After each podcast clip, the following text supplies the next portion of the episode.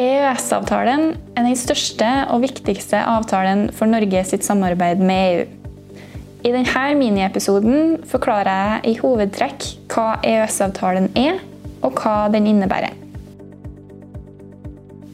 EØS-avtalen knytter Norge, Island og Liechtenstein til EUs indre marked og etablerer Det europeiske økonomiske samarbeidsområdet, EØS.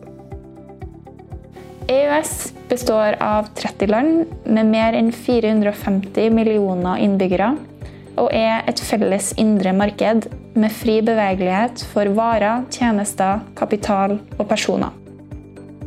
EØS kan sammenlignes med en stor markedshall, der reglene er de samme for alle. Her kan du fritt gå fra bod til bod, kjøpe og selge, hente og levere varer og tjenester.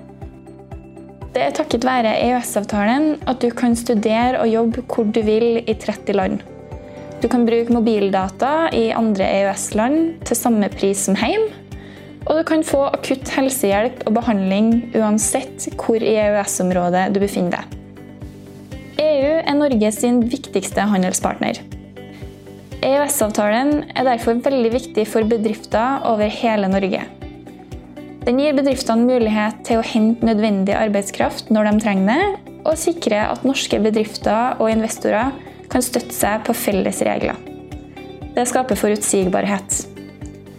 Mange lokalsamfunn har hjørnesteinsbedrifter som er avhengig av å få levere varene og tjenestene sine i det store markedet som EØS-området utgjør. EØS-avtalen åpner òg for at vi kan samarbeide med EU på andre områder av felles interesse. Som f.eks. klima og miljø, sosialpolitikk og likestilling.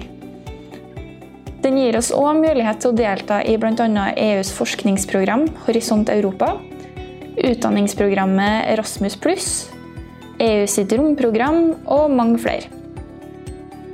Gjennom programmene får Norge og norske aktører tilgang til forskning, infrastruktur og teknologi som det er vanskelig for oss å utvikle alene.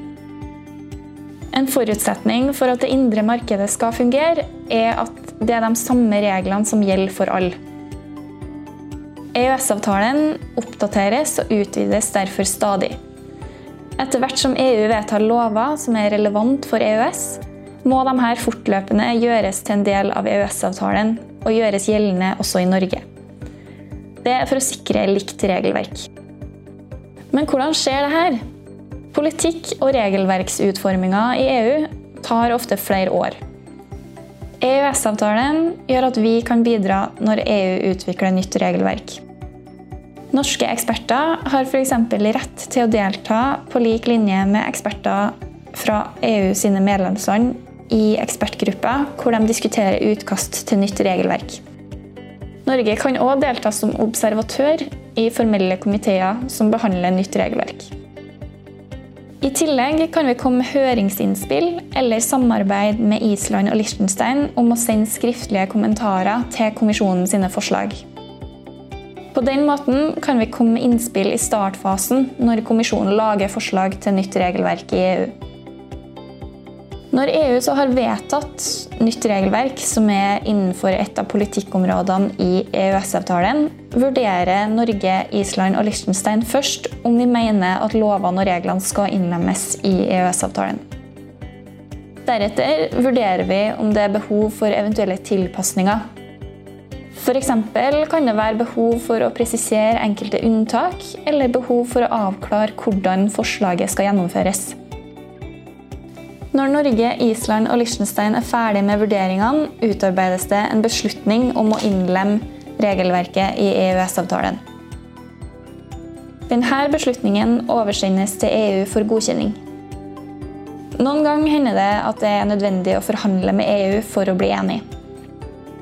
Når begge parter er enige om å innlemme en beslutning i EØS-avtalen, vedtas dette i EØS-komiteen. Komiteen består av Norge, Island og Liechtenstein sine ambassadører og representanter fra EU. EØS-komiteen møtes ca. åtte ganger i året. Vanligvis gjelder de nye reglene fra dagen etter møtet i EØS-komiteen, men hvis beslutningen krever en endring av nasjonale lover, må den vedtas av nasjonale parlament før beslutningen er gjeldende. I Norge betyr det at den må vedtas i Stortinget.